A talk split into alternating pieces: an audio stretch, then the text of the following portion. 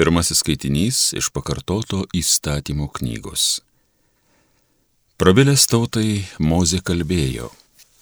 Atsimink tą ilgą kelią, kuriuo tave vedė viešpats tavo Dievas per tuos keturiasdešimt metų dykumoje, įdant padarytų tave nuolankų, bandydama sužinoti, kas buvo tavo širdyje, ar tu laikysiesi jo įsakymų ar ne Jis darė tave nuolankų, leisdamas tau palikti, paskui maitindamas tave mana, kurios nei jūs, nei jūsų protėviai nežinojote. Įdant tave pamokytų, kad žmogus yra gyvas ne vien duona, bet kad žmogus gyvena kiekvienu žodžiu išeinančiu iš viešpaties lūpų.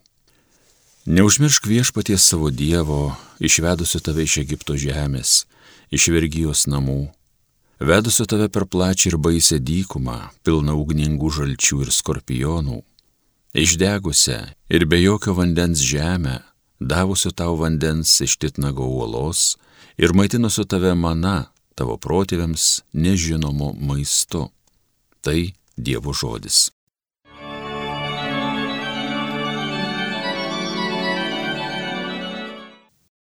Šlovink Jeruzalę viešpatį. Šlovink Jeruzalę viešpatį, šlovink savo Dievą Zijonę. Jis juk stiprina sklaščius tavo vartų, tavo vaikams jis duoda palaimą. Šlovink Jeruzalę viešpatį. Įtvirtina taiką prie tavo sienų, geriausiais kviečiais tave maitina, siunčia savo žodį žemiai, ką jis sako, tas greit ir įvyksta. Šlovink Jeruzalę viešpatį. Jis paskelbė savo žodį Jokūbui, savo įstatus ir įsakus Izraeliui, to jis nedarė jokiai kitai tautai, ne viena jo įsakų nežino. Šlovink Jeruzalę viešpatį.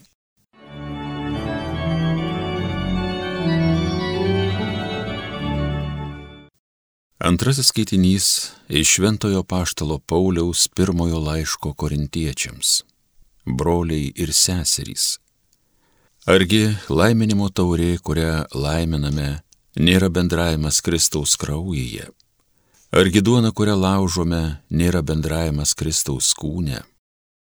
Jei viena duona, tai ir mes daugelis esame vienas kūnas, mes juk visi dalyjamės vieną duoną. Tai Dievo žodis. Alleluja.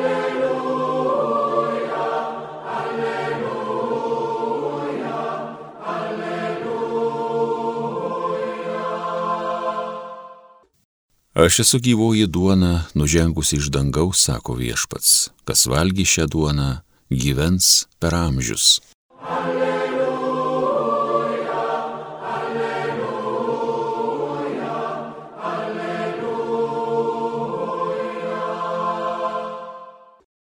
Pasiklausykite Šventojios Evangelijos pagal Joną.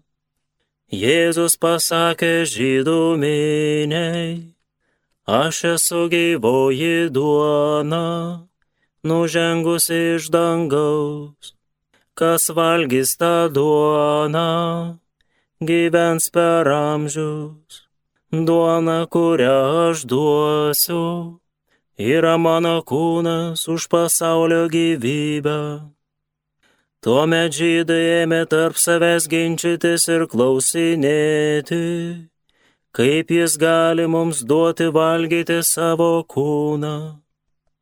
O Jėzus jiems kalbėjo, iš tiesų, iš tiesų sakau jums, jei nevalgysite žmogaus sūnaus kūno ir negersite jo kraujo, neturėsite savyje gyvybės. Kas valgo mano kūną ir geria mano kraują, tas turi amžiną į gyvenimą ir aš jį prikelsiu paskutinėje dieną.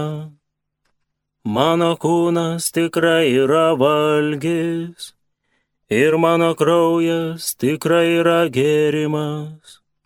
Kas valgo mano kūną ir geria mano kraują, tas pasilieka manyje ir aš jame.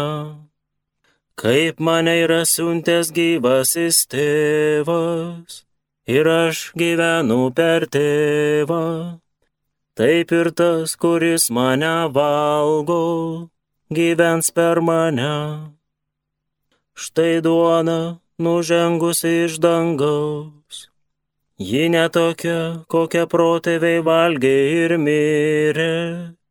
Kas valgo šią duoną, gyvens per amžių.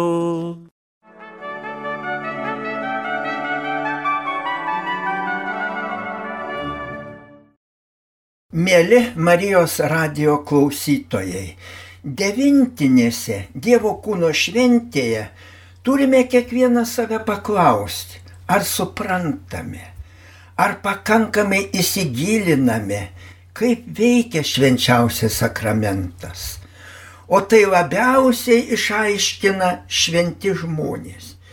Jie giliai suprasdami ir jausdami švenčiausią sakramentą nepaprastų dalykų patiria.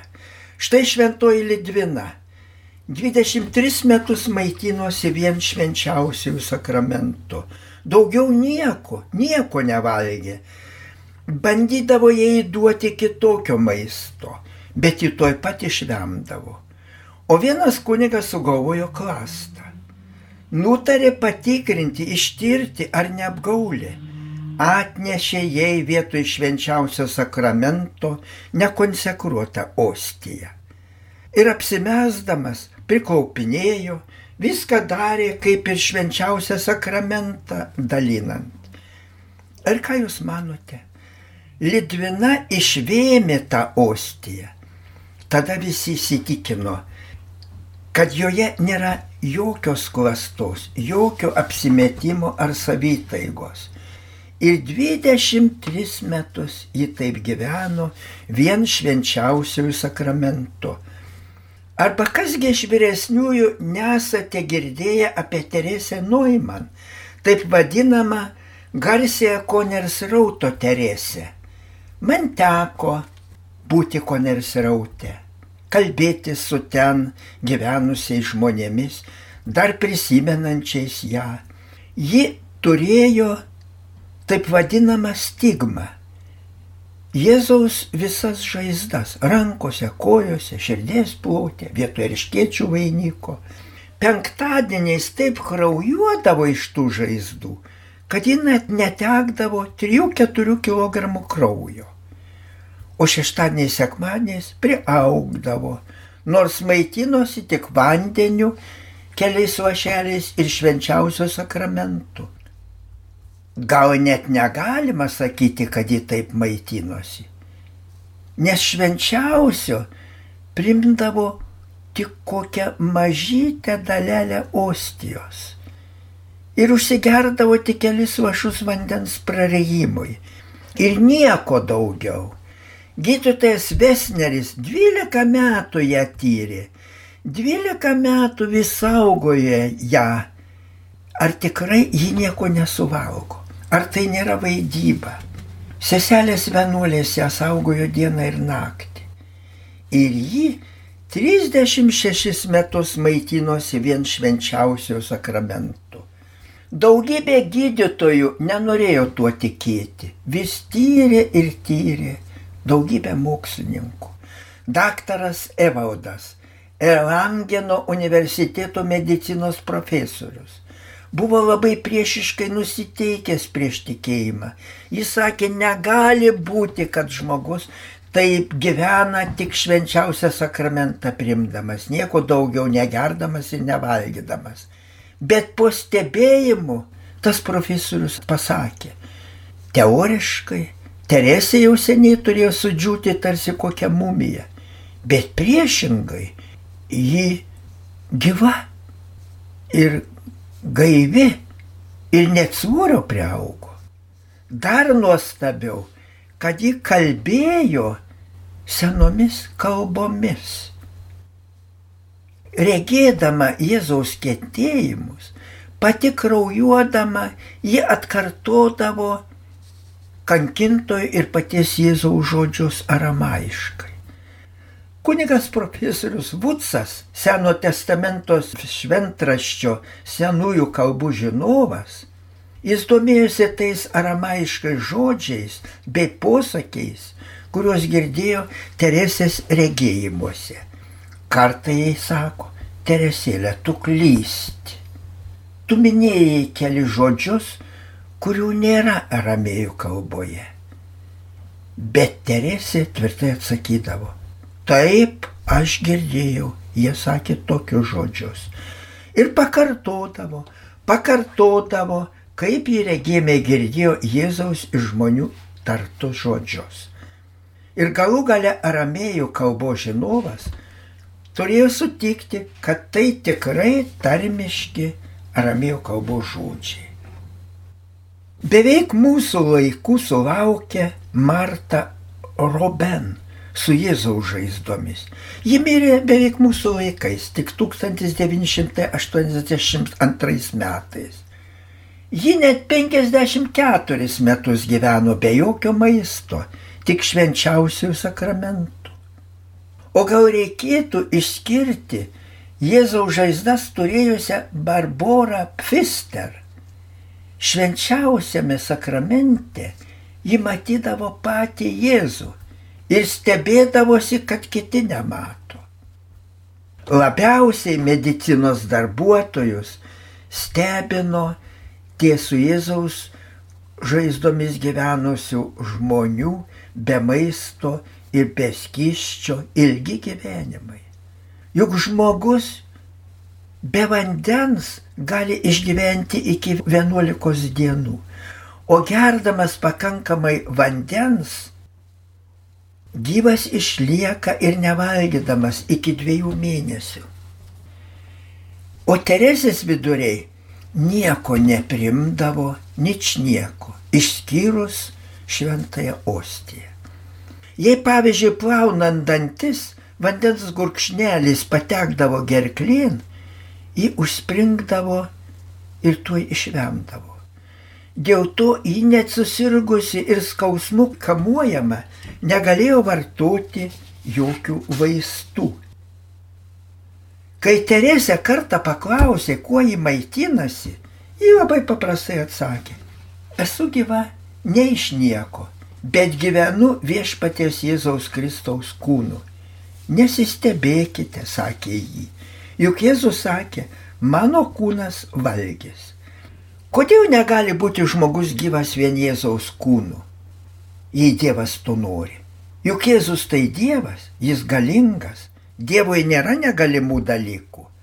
Arkiviskupas Teodorovičius daug kartų davęs Teresėje šventąją komuniją rašė, neklyskite, neklyskite.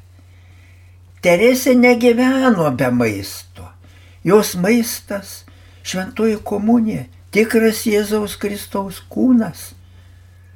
Mažo šventos komunijos trupinėlio užteko, kad jos kūnas gyventų. O popiežius Benediktas XVI pasakė, maitinimasis tik šventąją komuniją yra stebuklingas. Bet svarbiausia, visų svarbiausia, stebuklingiausia kad Jėzaus kūnas maitina žmogaus dvasę ir žmogų daro šventu. Ne, stebuklingiausia ne kad kūnas išlieka gyvas, bet kad dvasia žmogaus vis šventėja. Priimame Jėzų ir tampame jo dalelę. Mes visi, jūs, mėly Marijos radio klausytojai, juk priimate švenčiausią sakramentą, priimate patį Jėzų ir tampate Jėzaus dalelė. Dievo tapimas žmogumi nėra pilnai baigtas. Jis tęsiamas kiekviename jį priimančiame. Tik Jėzų prieimė žmogus tampa pilnutiniu žmogumi. Kas valgo Jėzų, turi visus mylėti kaip ir pats Jėzus. Turi daugam tarnauti ir daugam atleisti O jei kas priima Jėzų ir sako, ana žmogus toks bjaurybė, negaliu jam atleisti, negaliu jo mylėti, negaliu net apie jį galvoti. Toks nusideda Ir kyla klausimas, ar į nuodėmę esanti ateina Jėzus? Ne, ne ir ne. Tada Jėzus pasitraukia iš ostijos ir žmogus nuryja tik paprastą duoną. Kai kuriems žmonėms kyla klausimų. Kaip duona mišių metu tampa Kristaus kūnu? Juk tai tokia pat sausa duona kaip kučių kalėdaičiai. Taigi, kaip toji duona virsta Dievo kūnu? Bet ir tu, brangusis, suvalgai duoną ir duona virsta tavo kūnu. Argi viskas, ką tu valgai, netampa tavo kūnu? Vėl klausimas. Kaip visas Kristus gali būti visose ostijose? Argi saulė nešildo žmonių tuo pačiu metu visose kraštuose? Ar pažiūrėk, sudužo veidrodis. Ir kiekvienoje šūkėje tu matai save. Kas tokių dalykų klausinėja, yra, yra praradę stebuklo suvokimą. Taigi Dievo kūno šventė ypatingai mus moko tikėjimo, kad mes tikrai priimame Dievo kūną ir su tuo pas mus atėjusi Dievu turime visada nuoširdžiai, nuoširdžiai, nuoširdžiai iš širdies pasikalbėti. Pasikalbėjimas su Dievu žmogų daro geresniu, daro pilnutiniu žmogumi. Amen.